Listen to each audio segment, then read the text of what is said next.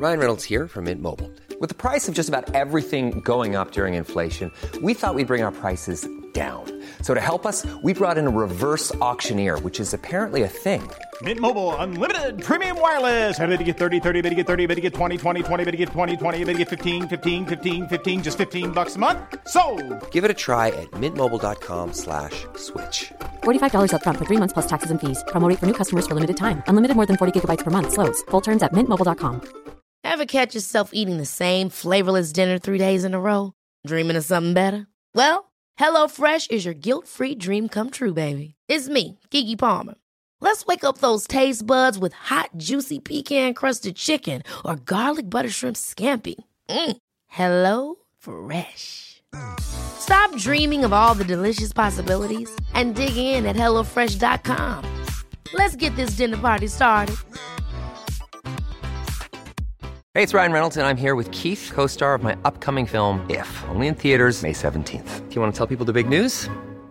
All right, I'll do it. Sign up now and you'll get unlimited for $15 a month in six months of Paramount Plus Essential Plan on us. Mintmobile.com slash switch. Upfront payment of $45 equivalent to $15 per month. Unlimited over 40 gigabytes per month. Face lower speeds. Videos at 480p. Active Mint customers by 531.24 get six months of Paramount Plus Essential Plan. Auto renews after six months. Offer ends May 31st, 2024. Separate Paramount Plus registration required. Terms and conditions apply if rated PG.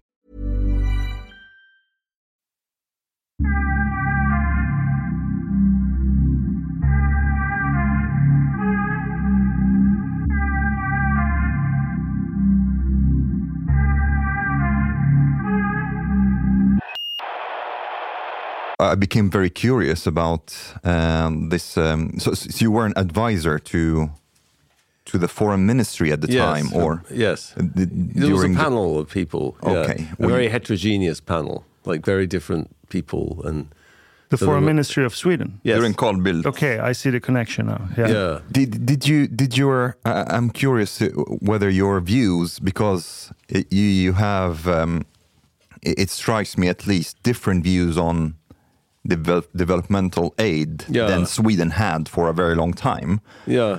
Did your views and the government's views at the time diverge? I uh,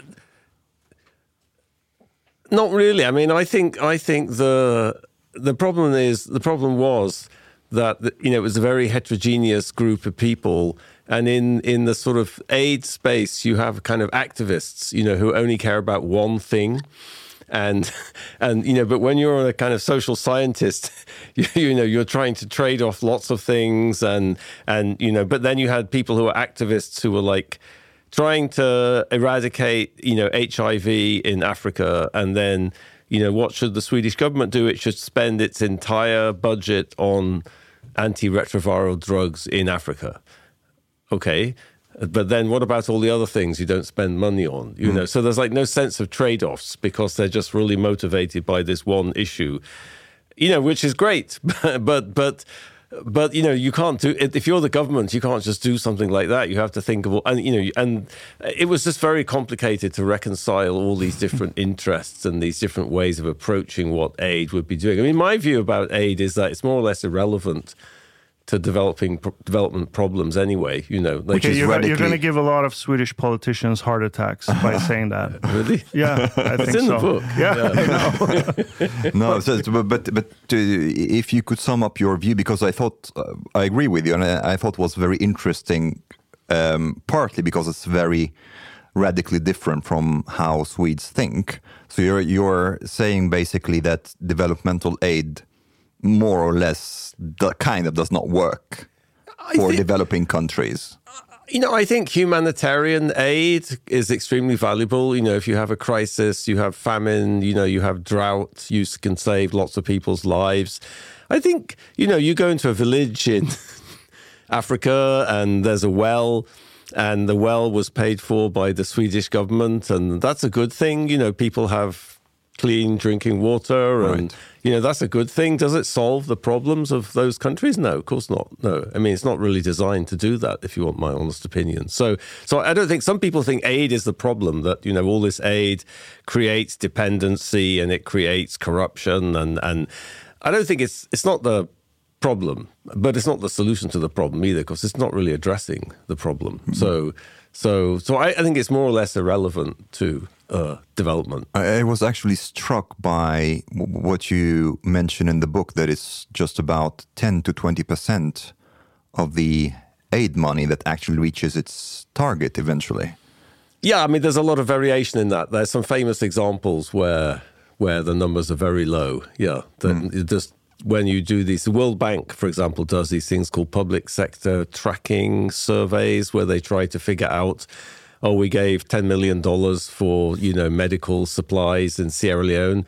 How much of it ever was spent on what it was supposed to be spent, and you know those things come up with pretty horrifying numbers. That most of the money disappears, and you don't really know where it is. There's a famous study in Uganda. I think it's like nine percent of money actually ever got to a school. It was a sort of school funding project. But uh, you know, there's a lot of differences there. So, so that you know, there's examples where you have that. But the um, countries that give the aid, they know and that the, lots of the money will go to corrupt people.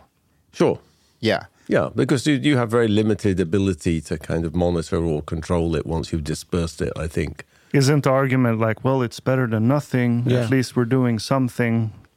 That, Yeah, I mean, uh, you know, that makes you feel better, I suppose. exactly. I think that's what this business is about, really. I, you know, I think there's different sorts of pressure. I mean, I think if you look at Africa in the 1990s, you know, I think you do see examples of foreign pressure really kind of create facilitated democratization, and so, there's some very good examples. I think, you know, in Kenya, for instance, where the kind of international community, or you know, think about South Africa, and that's not exactly development aid, but but the international community played a, played a very positive role in you know getting rid of apartheid and creating democracy in South Africa and democracy in Kenya. And that was a good thing. It didn't solve all Kenya's problems by any stretch of the imagination, but it was a good thing. So I think I think there's not enough thought paid to kind of how you intervene, you know, and what instruments you use. You know, I always think, you know, outsiders can always play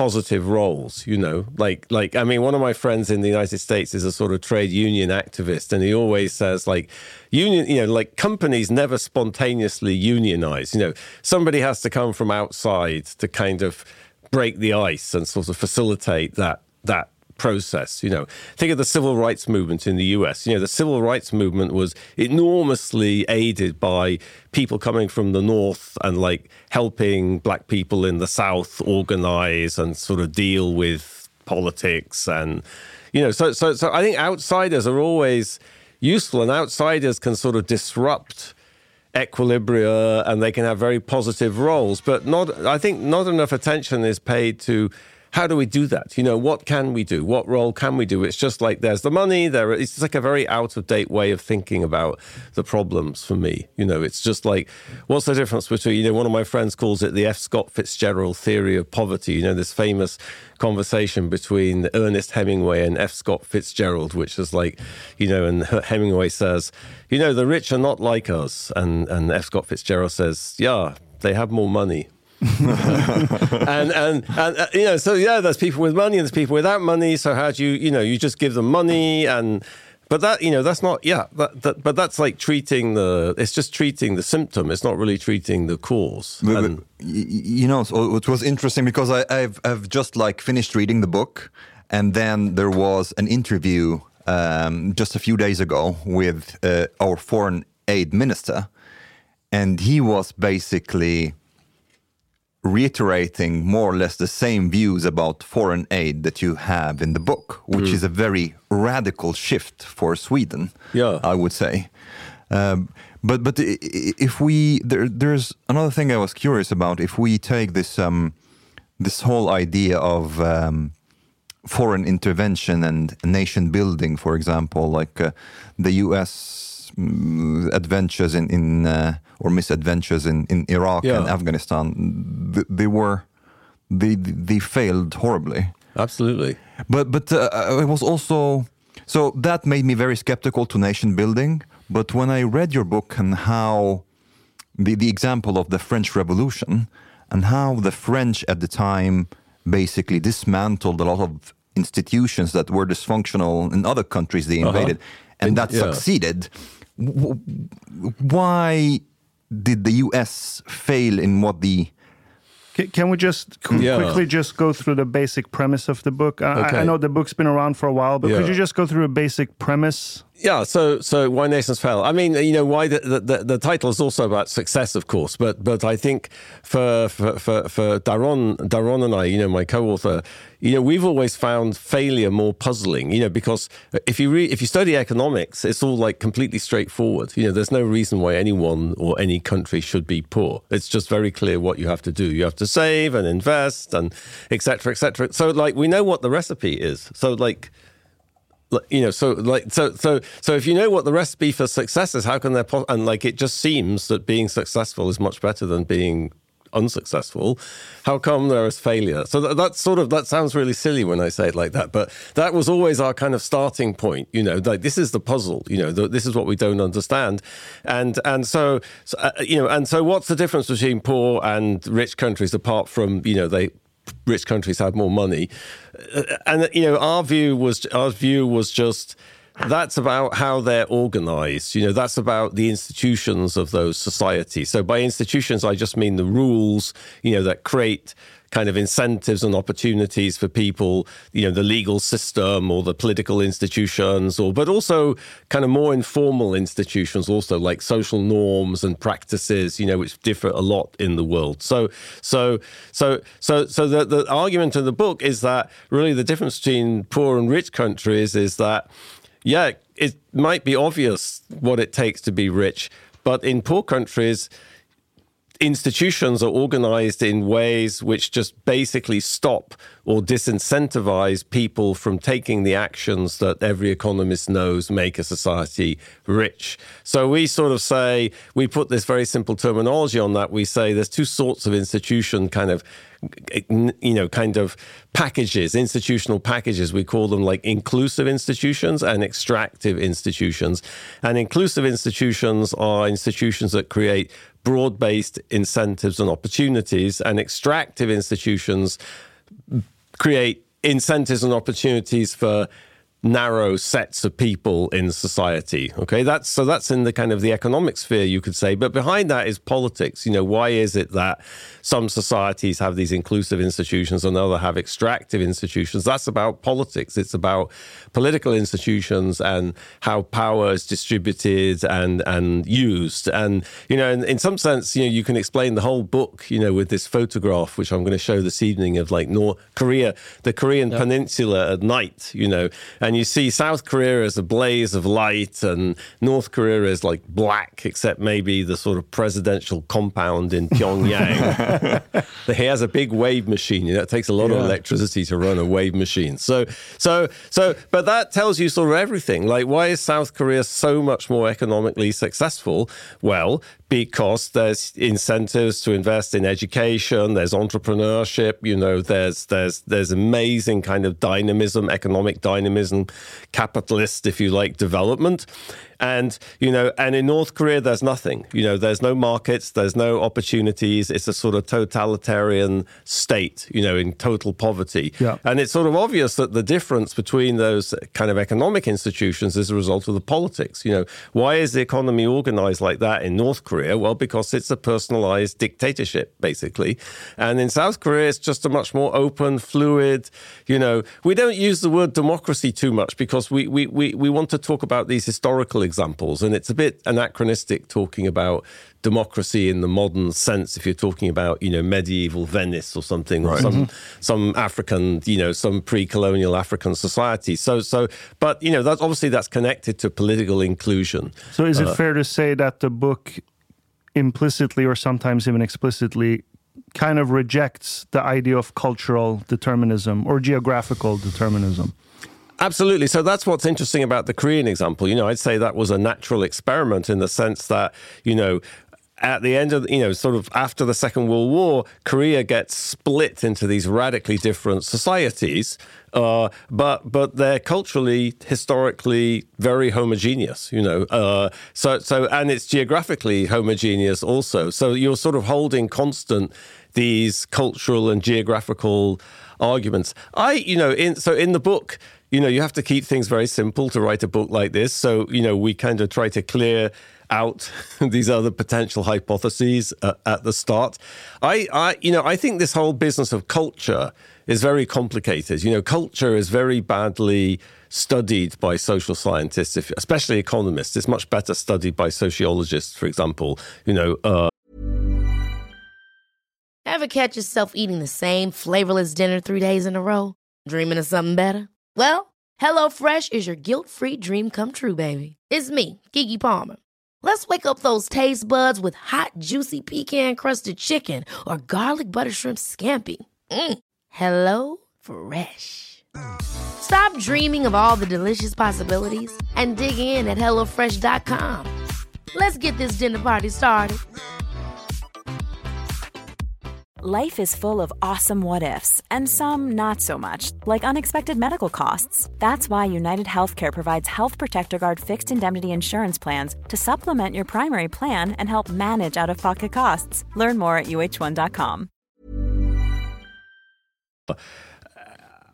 you know, I would say there are enormous cultural differences in the world.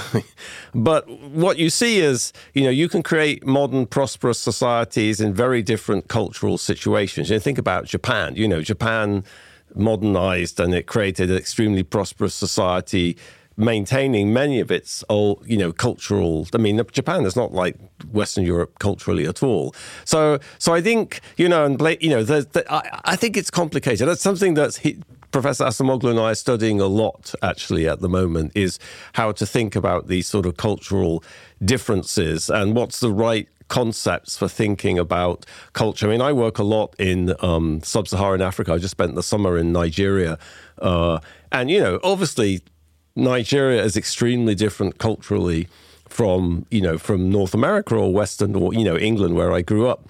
Um, but like how does that matter for economic development? And I, I, don't know what the answer is at the moment. I, I you know, I, I, mostly I enjoy it a lot. You know, can you so. give any examples of these inclusive institutions that you talk about? Yeah. So, so, so I think like one example, you know, so the Korea, South Korea, and North Korea you know, one example that I think is very powerful typically uh, when I talk about this is, you know, we end the first chapter by talking about the difference between Bill Gates and Carlos Slim, who were the two richest people in the world uh, at the time we wrote the book. And, you know, so, so how they got their money, it, you know, they're both incredibly rich. Uh, how they got their money is extremely revealing. So Gates got his money through innovation Okay, so so and and and so so you know so so here's an example of an inclusive institution, which is the patent system. So Gates had you know hundreds and hundreds of patents.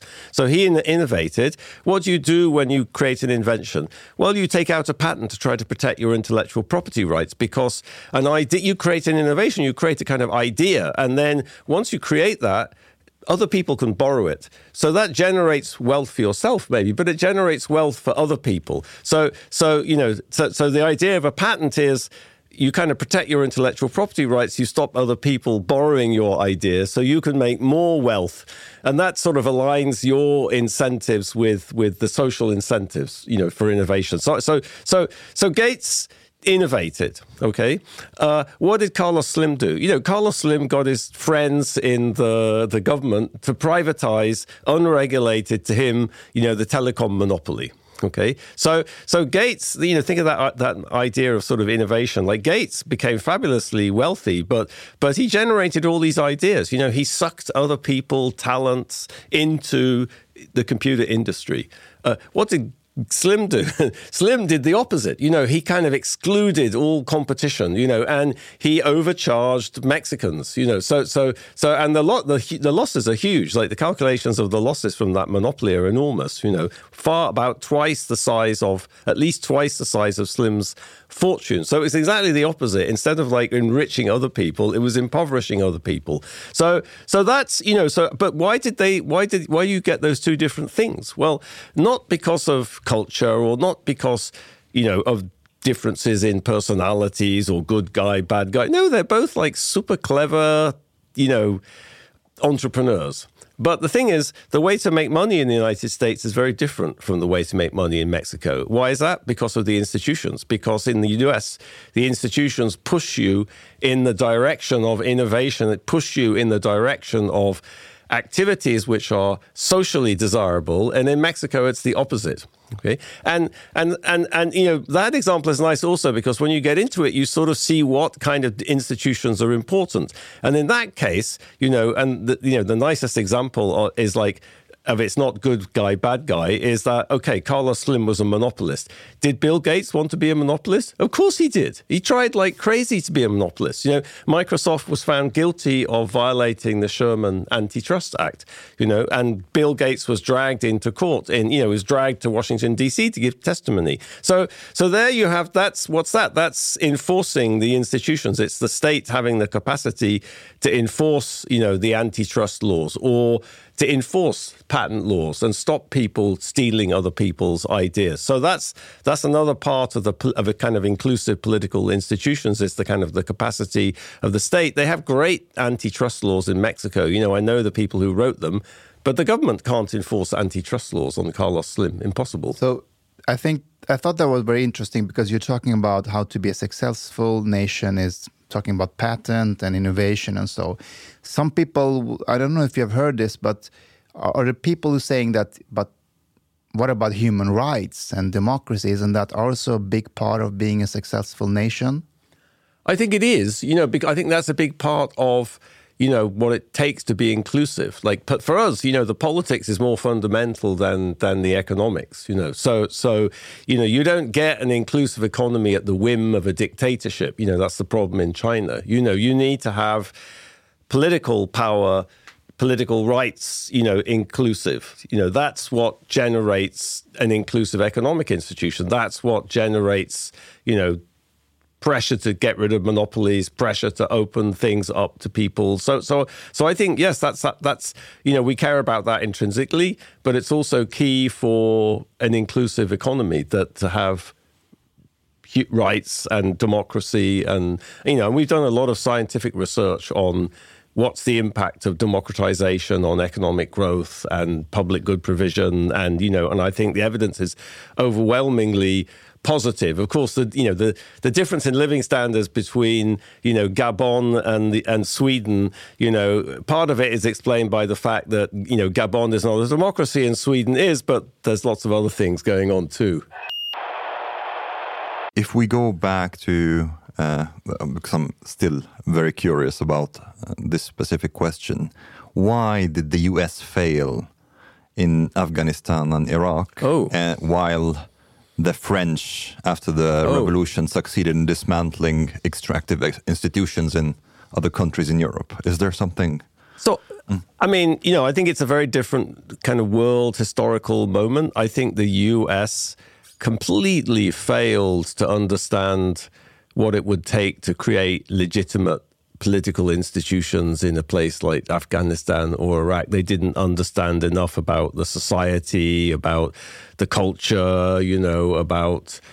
They just didn't know what they were doing. You know, they just had this extremely naive idea of, you know, liberal democracy is a great thing for everybody, and you know, and and so so I I just think like it's you know you need you need to have a legitimate political system. I think if you go back and you think about what happened in the Napoleonic Wars, that's this moment, you know, in in world history where you know you have this enormous impact of the Enlightenment of these kind of philosophical ideas, you know, both in France itself, but throughout kind of Western Europe also, you know. So there were many Enlightenment intellectuals in Germany, you know, who embraced the French Revolution. And it was partly cultural. Uh, uh, well, yeah. I mean, if that, yeah, or, you know, ideological, cultural. I think it's a moment where people were sort of rethinking their political institutions. You know, they were rethinking, and of course, there was a lot, lot more similarity between absolutist political institutions in France and absolutist political institutions in Prussia or right, whatever it is. Right. You know, so so that's also very different. You know, than mm. the context where the Americans have this model of democracy that they think is wonderful, but it's very calibrated to the U.S. And suddenly you plonk it down in Kabul in a completely different where everything the challenges are different you know like people's ideas are different you know. So so so you know afghanistan had never been governed you know ever historically in the way the us intended it to be governed. For example, you know, if you read any history of this Afghan state, you you know you'll re- you'll read that like nobody ever collected taxes, you know, outside the river valleys. You know, like the the relationship between the kind of the the state and I mean, it's just not not like a Western state historically at all. I think No. like so it's- I'm from Afghanistan, and yes, uh, we, we don't have a centralized uh, power. It's you know it's clans um, um, ruling in different parts of of, of, of Afghanistan, Right. and you don't have, you know, some Afghans. A lot, a lot of Afghans will say, "What do you mean Afghan? I'm Pashtun, you know, I'm Hazara, I'm Uzbek."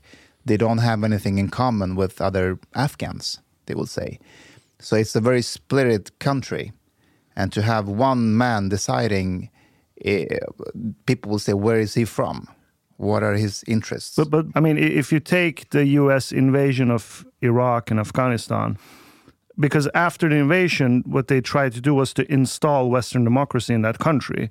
So, in what sense isn't that the idea of taking a political institution and putting it there without taking culture into account? Because, as you kind of also said, there is a cultural problem there, right? So, what, what's the role of culture in this case? Yeah, I don't know it's a problem. I mean, I wouldn't I yeah, there's cultural differences, I guess, and you have to I mean, that's part of the reason why we use this word inclusive also, you know, because societies can be extractive in very different ways and they can be inclusive in different ways as well. So I think you know that's whereas when you say democracy you tend to immediately think of a very specific set of institutions which which I, you know I said earlier I think that's kind of a bit ana- anachronistic historically Yeah. but maybe in this context also you know like it's going to be like what you know what's going to be a legitimate sort of in, you know, I don't think the notion of inclusion, it's not a Western idea, you know. I mean, nor is democracy for that matter. You know, like democracy was invented loads of times in lots of different societies, you know, historically and, and, you know, so, so I don't, you know, that, it, but it's institutionalized in different ways, you know, and, and, and I guess, you know, inclusion can be institutionalized in different ways. And I just think like trying to spread your model of inclusion to other parts of the world, you know, didn't Okej. Okay. Du harlis nat so harlongt. Pozista moltit. En miket fin radioprogram i sferie. Du tiker de miket revlikt.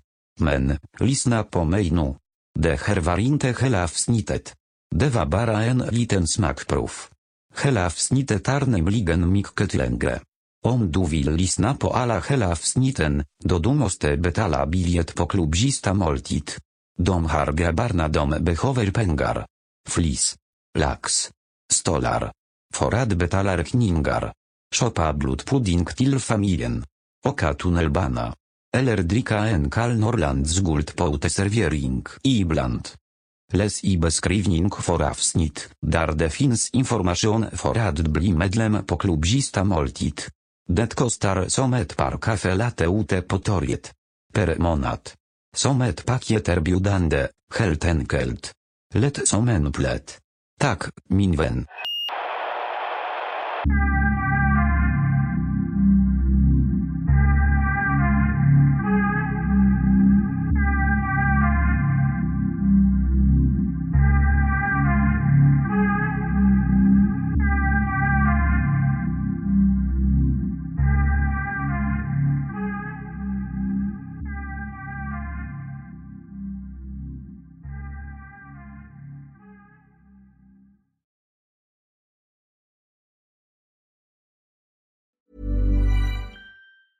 Ever catch yourself eating the same flavorless dinner three days in a row? Dreaming of something better? Well, HelloFresh is your guilt free dream come true, baby. It's me, Keke Palmer.